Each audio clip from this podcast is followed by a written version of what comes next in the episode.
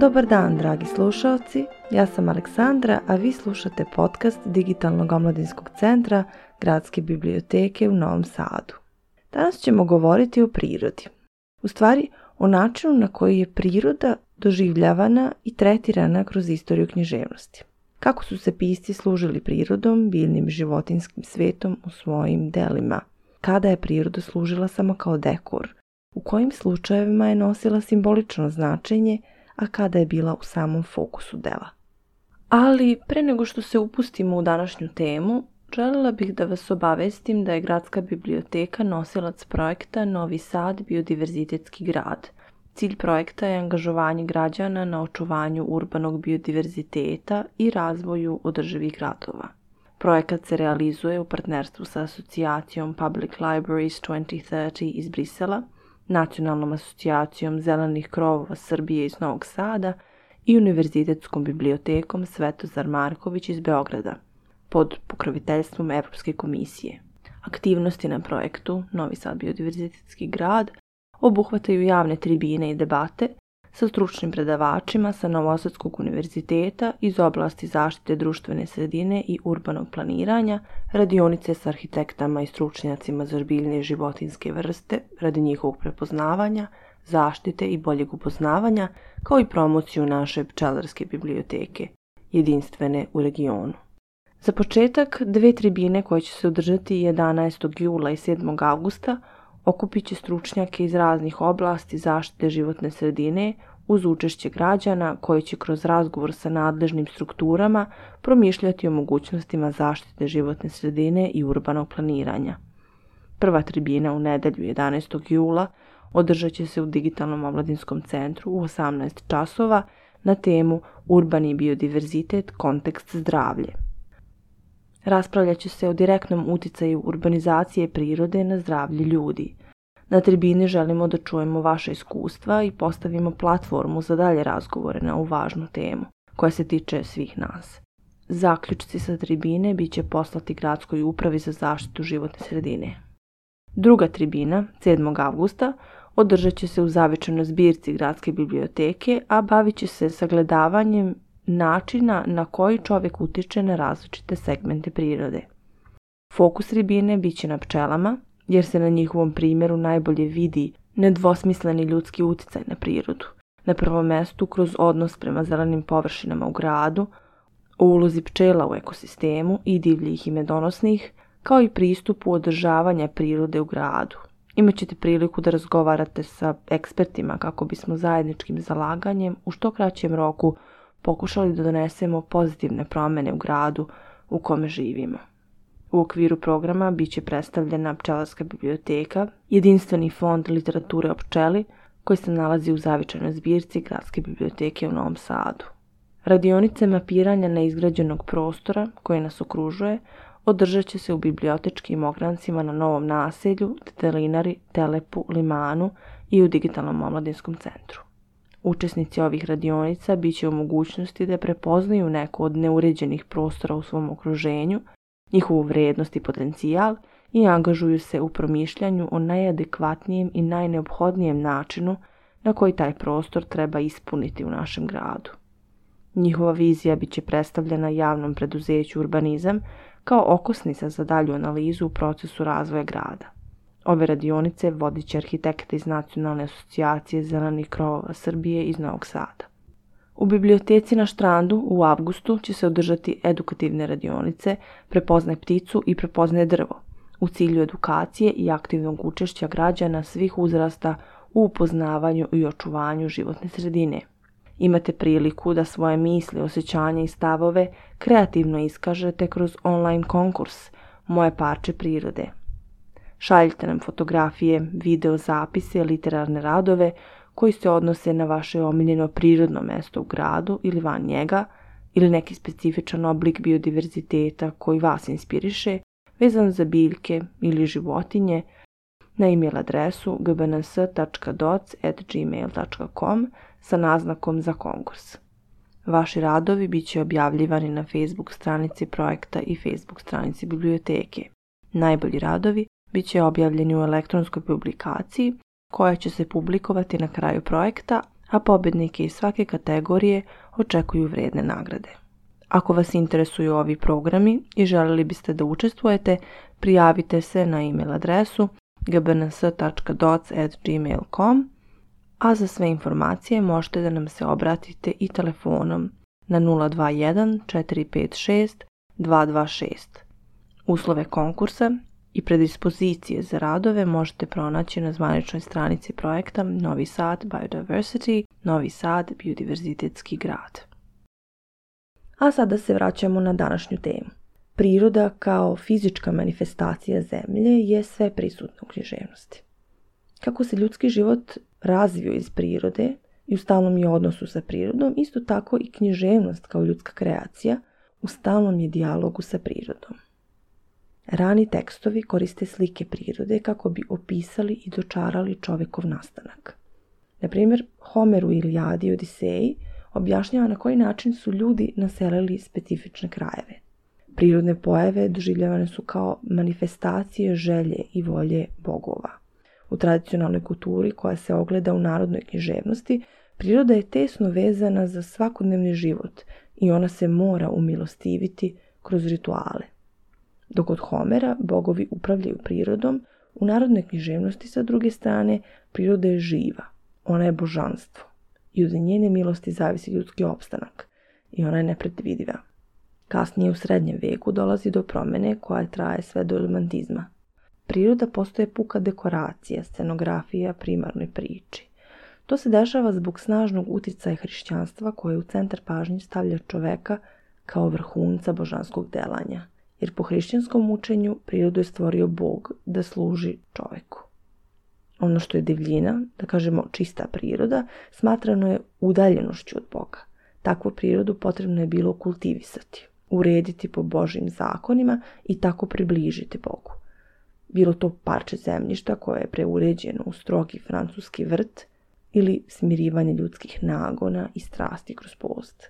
Spas se nije nalazio u divljini, već u civilizaciji. Otuda opravdanje mnogim konkvistadorima i kolonizatorima koji su osvajali udaljene krajeve i pokrštavali njihove starosedioce. U tom smislu priroda je doživljavna kao drugost, kao nešto strano, neistraženo i divlje, povezano sa grehom, nešto što čovek treba da podredi sebi. Kao primjer možemo da uzmemo Dantea i njegovu božanstvenu komediju – Na samom početku imamo naratora izgubljenog u mračnoj šumi, koja simbolično predstavlja njegove grehove koji se onda personifikovani pojavljuju u obliku pantera koji simbolizuje požudu, lava koji predstavlja oholost i vučice koja je simbol pohlepe. U periodu romantizma, pa i ranije šturmundranka, priroda ponovo oživljava, postaje muza i jedna od glavnih inspiracija u dodiru sa božanskim. Nezadovoljni stanjem u društvu u kom su živeli, romantičari utehu pronalaze u prirodi. Suprostavivši se uzdržanom klasicizmu i hladnom racionalizmu, koji su sa prezrenjem gledali na emocionalnost koju su smatrali lošim ukusom, romantičari su morali da pronađu prostor unutar kojeg će njihova osjećajnost biti prihvaćena. Šta više, okruženje iz kojeg emocije i osjećajnost potiču – a to nije okruženje pravno uređenog društva, već upravo prostor prirode, divljine i slobode. Osvrnut ću se nakratko na Schillerov rad o naivnoj i sentimentalnoj poeziji kako bi preciznije predstavila romantičarski odnos prema prirodi. Schiller u svojoj filozofiji suprostavlja naivno i sentimentalno. Prirodu smatra naivnom, a umetnost sentimentalnom. Šta to znači? Naime, Istinski naivno možemo po Schilleru pronaći samo u prirodi. I to onoj prirodi koja odudara od umetnosti, a koja nas podsjeća na naše detinjstvo, na trenutak u kom smo bili najbliži prirodi i trenutak kome treba da se vratimo. Dakle, kada je u pitanju čovek, priroda se nalazi u postupcima koji su nagonski, nepromišljeni, neiskvareni i na koje nisu uticale naučene društvene norme koje se stiču obrazovanjem i odrastanjem. Iz toga sledi da se čista ljudska priroda može pronaći još samo kod male dece i kada se odrasli razneže na dečijim postupcima, to ne čine zbog osjećanja superiornosti, već naprotiv, smatra Schiller, zbog osjećanja inferiornosti pred slobodnom i čistom snagom prirode koja je još neiskvarena, puna potencijala, čista i u mogućnosti da postane bilo šta, za razliku od odraslih čiji su životni putevi već određeni. Sad, Schiller smatra da put ka istini mogu da pronađu samo geniji koji su u stanju da se, vođeni instinktom, vrate naivnom pogledu na svet, to jest vrate prirodi. Pesnike Schiller naziva čuvarima prirode, deli ih na one koji su u stalnoj potrazi za izgubljenom prirodom, jer oni više nisu deca, društvo ih je oblikovalo, izmenilo i sad oni stalno tragaju za tom prirodom i one koji su sama manifestacija prirode. Ovaj prvi pesnik, koji traži prirodu, on je sentimentalan. Svesan je koliko je udaljen od prirode i da je potrebno da joj se vrati kako bi pronašao istinu. Dakle, on je u stalnoj potrazi za prirodnom. Sa druge strane, kroz dela naivnog pesnika progovara sama priroda i čista osjećanja koja nas diraju. To je odlika kako smatra Schiller pravog genija. U tom smislu, sentimentalni pesnik je idealist – On nas pogađa idejom, dok je naivni pesnik realist, jer kroz njega progovara, u stvari sama, priroda. Romantičarska predstava prirode takođe je u bliskoj vezi sa idejom o uzvišenom. Ona je jedna od centralnih kategorija kojima se bavi prosvetiteljska i romantičarska estetika. Kako bi bolje shvatili ideje romantizma, ukratko ćemo se osvrnuti i na ideju o uzvišenom. Ovom idejom prvi se značajnije bavio Edmund Berg u knjizi Filozofsko istraživanje porekla naših ideja uzvišenog i lepog. Ove osnove dalje produbio Kant u kritici moći suđenja, na što se oslonio Schiller, prilagodivši je svoje filozofije u delu o uzvišenom. Za početak, e, po Berku, uzvišeno ili ti sublime predstavlja najsnažniju emociju koju je duh u stanju da oseti osjećanje uzvišenog izazivaju strašni objekti. Znači, predmeti ili pojave koji u posmatraču bude ideje bola i opasnosti. I na kraju evociraju i smrt. Tako shvaćeno osjećanje uzvišenog predstavlja sa jedne strane užasnutost čoveka nad svim onim čime strašni objekti mogu da ga ugroze, a sa druge strane sigurnost, te u trenutku posmatranja to ugrožavanje ne može proizvesti ozbiljne posledice – što onda stvara osjećaj zadovoljstva. Na primjer, kada posmatra neku zastrašujuću prirodnu pojavu, recimo snažnu oluju, čovjek će osjetiti uzvišenost samo ako je posmatra sa bezbedne distance i sigurnosti skloništa. Na taj način čovjek je u stanju da se divi snazi i lepoti pojave koja čini da se osjeti živim, jer ga podsjeća na to koliko je snažnija i moćnija od njega i podsjeća ga na njegovu krhkost ali zato što u tom trenutku čovjek život nije direktno ugrožen, sve te impresije u njemu će izazvati osjećaj uzvišenosti. U suprotnom, kada bi se čovjek našao u samom epicentru oluje, osjetio bi samo strah. Berg smatra da čovjek ima urođenu tendenciju da obožava ono što mu uliva strah. Ali pored toga, ono što takođe kod čovjeka izaziva divljenje jeste lepo. A upravo u prirodi se kriju oba fenomena, i lepo i strašno. Stoga Berg zaključuje da priroda sa svojom veličanstvenošću i lepotom izaziva strah i divljenje i stvara najsnažniju emociju ljudskog duha, a to je osjećanje uzvišenog. Na ove Berkove ideje nadovezuje se Kant, ali ih on u određenoj meri modifikuje. Kant, na primjer, ne smatra da se uzvišeno može uživati kroz čula. Za njega uzvišeno prevazilazi čula. Uzvišeno je beskonačno i prevazilazi ljudsku prirodu. Ono što po Kantu ljude čini izuzetnim jeste njihova moć ili sposobnost da sebi predstave i ono što ne mogu doživeti čulima. Upravo u toj sposobnosti da približi sebi koncepte nečega što nije moguće doživeti i percipirati čulima, krije se osjećaj uzvišenog. Ta svest o krhkosti ljudskog bića naspram veličanstvenosti i moći prirode takođe izaziva osjećanje uzvišenog. Kao primjer Kant daje prizor okeana tokom oluje. Kada se suočimo sa razornom moći prirodnih pojava poput okeana u oluji, postanemo svesni svoje fizičke slabosti i prolaznosti. Sa druge strane, naša mogućnost da promišljamo, da analiziramo to more i oluju, i svoj odnos prema njima na način na koji oni o nama ne mogu, jeste ono što ljude čini posebnim. Mogućnost abstraktne misli, mogućnost razvijanja kompleksnih ideja o svetu i nama samima, u tome leži ljudska moć. I u tom saznanju, smatra Kant, se javlja onda osjećanje uzvišenosti. Iz svega ovoga možemo zaključiti da je odnos čoveka prema prirodi vrlo ambivalentan dok se sa jedne strane prava lepota i uzvišeno može pronaći samo u prirodi, ista ta priroda koja oduševljava i vraća čoveka osjećanjima i ponovo ga povezuje sa potisnutom naivnošću, iskrenošću i nagonskim, zbog svoje nadmoći izaziva strah. Zbog svega toga javlja se potreba da se priroda ukroti i podredi čoveku, te da se dokaže čovekova superiornost kao mislećeg bića. Realizam ponovo stavlja prirodu u drugi plan. Ona postaje samo dekor, okruženje u kome se odvija centralna priča o ljudskim sudbinama i društvu uopšte. Neki autori realizma, poput Tolstoja, smatrali su da je kvalitet života na selu mnogo bolji, pa su njihovi junaci najčešće zagovarali povratak selu. Međutim, priroda Tolstojevog sela je očišćena od svega magijskog, simboličnog ili mističnog. Ona je za čoveka korisna. Hrani ga svojim biljkama, plodnom zemljom i pašnjacima, pruža mu ogrev svojim bogatim šumama, stoga možemo da kažemo da je odnos čoveka i prirode u njegovim delima vrlo pragmatičan. Čovjek živi na selu, obrađuje zemlju, uvodi nova tehnička dostignuća za efikasniju proizvodnju, koristi sve što mu je priroda ponudila, a priroda ostaje nema. Opisi prirode su detaljni pejzaži, vrlo realistični i precizni.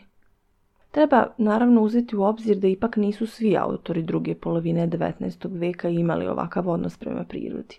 Neki od njih, poput recimo Tomasa Hardija, na čije stvaralaštvo su uticale ideje antike, selo su povezivali sa tradicionalnim i ritualnim. Njegovi likovi su savremeni ljudi svog vremena koji žive na selu, najčešće su to pastiri, farmeri, zemljoradnici i slično, ali priroda koja ih okružuje još uvek pamti vreme magije i rituala. Sudbina i zla kob su isprepleteni sa prirodom i prostorom i još uvek žive u prastarim ostacima drevnih ritualnih oltara, čije mesto je zaboravljeno, značenje hristijanizovano – i čija upozorenja su ljudi izgubili sposobnost da čuju. Hardijeva priroda dakle nije desakralizovana, ona i dalje nosi sa sobom sve elemente paganskog, samo su ljudi prestali da je osluškuju. Odrodili su se od prirode i ona im je postala strana. Iz tog razloga likovi poput Tese Dubrvil, koji kroz svoju iskrenost, neiskvarenost i naivnost i dalje nose u sebi tu izgubljenu vezu sa prirodnom, ne mogu opstati u savremenom društvu koje je surovo, koji će ih iskoristiti i odbaciti. Dalje, svetski ratovi dodatno su uticali na pesimistični pristup u tumačenju odnosa čoveka i prirode, e, gde onda svest o ogromnoj razornoj moći čovečanstva koje ne mari za prirodu navela umetnike da stvaraju vrlo sumorne pesimistične prikaze budućnosti, poput Puste zemlje Tomasa Stensa Eliota. Razvoj ekološke svesti razvio je nove pravce u književnosti kao što je ekološka poezija, koja kroz umetnost skreće pažnju svetu na goruće probleme zagađenja životne sredine i nosi neku ekološku poruku. Šira kategorija koja je također novije provinijencije naziva se nature writing i obuhvata poeziju i prozu kao i nefunkcionalna dela koja govore o prirodi i prirodnoj sredini, o čemu ćemo nešto više govoriti u narednim epizodama. To bi bilo sve za danas, dragi slušalci. Odnos prirode i književnosti je vrlo obimna tema kojom ćemo se baviti u nekim od narednih podcasta, zato nastavite da nas pratite. Ne zaboravite da se odazovete na konkurs Moje prirodno mesto u gradu. Detaljnije informacije, kao što smo rekli na početku, možete pronaći na našim društvenim mrežama, a stavit ćemo i link u opis YouTube video podcasta. Ako želite da učestvujete na nekoj od radionica ili tribina – prijavite se putem e-maila na adresu gbns.doc.gmail.com ili pozovite broj telefona 456226.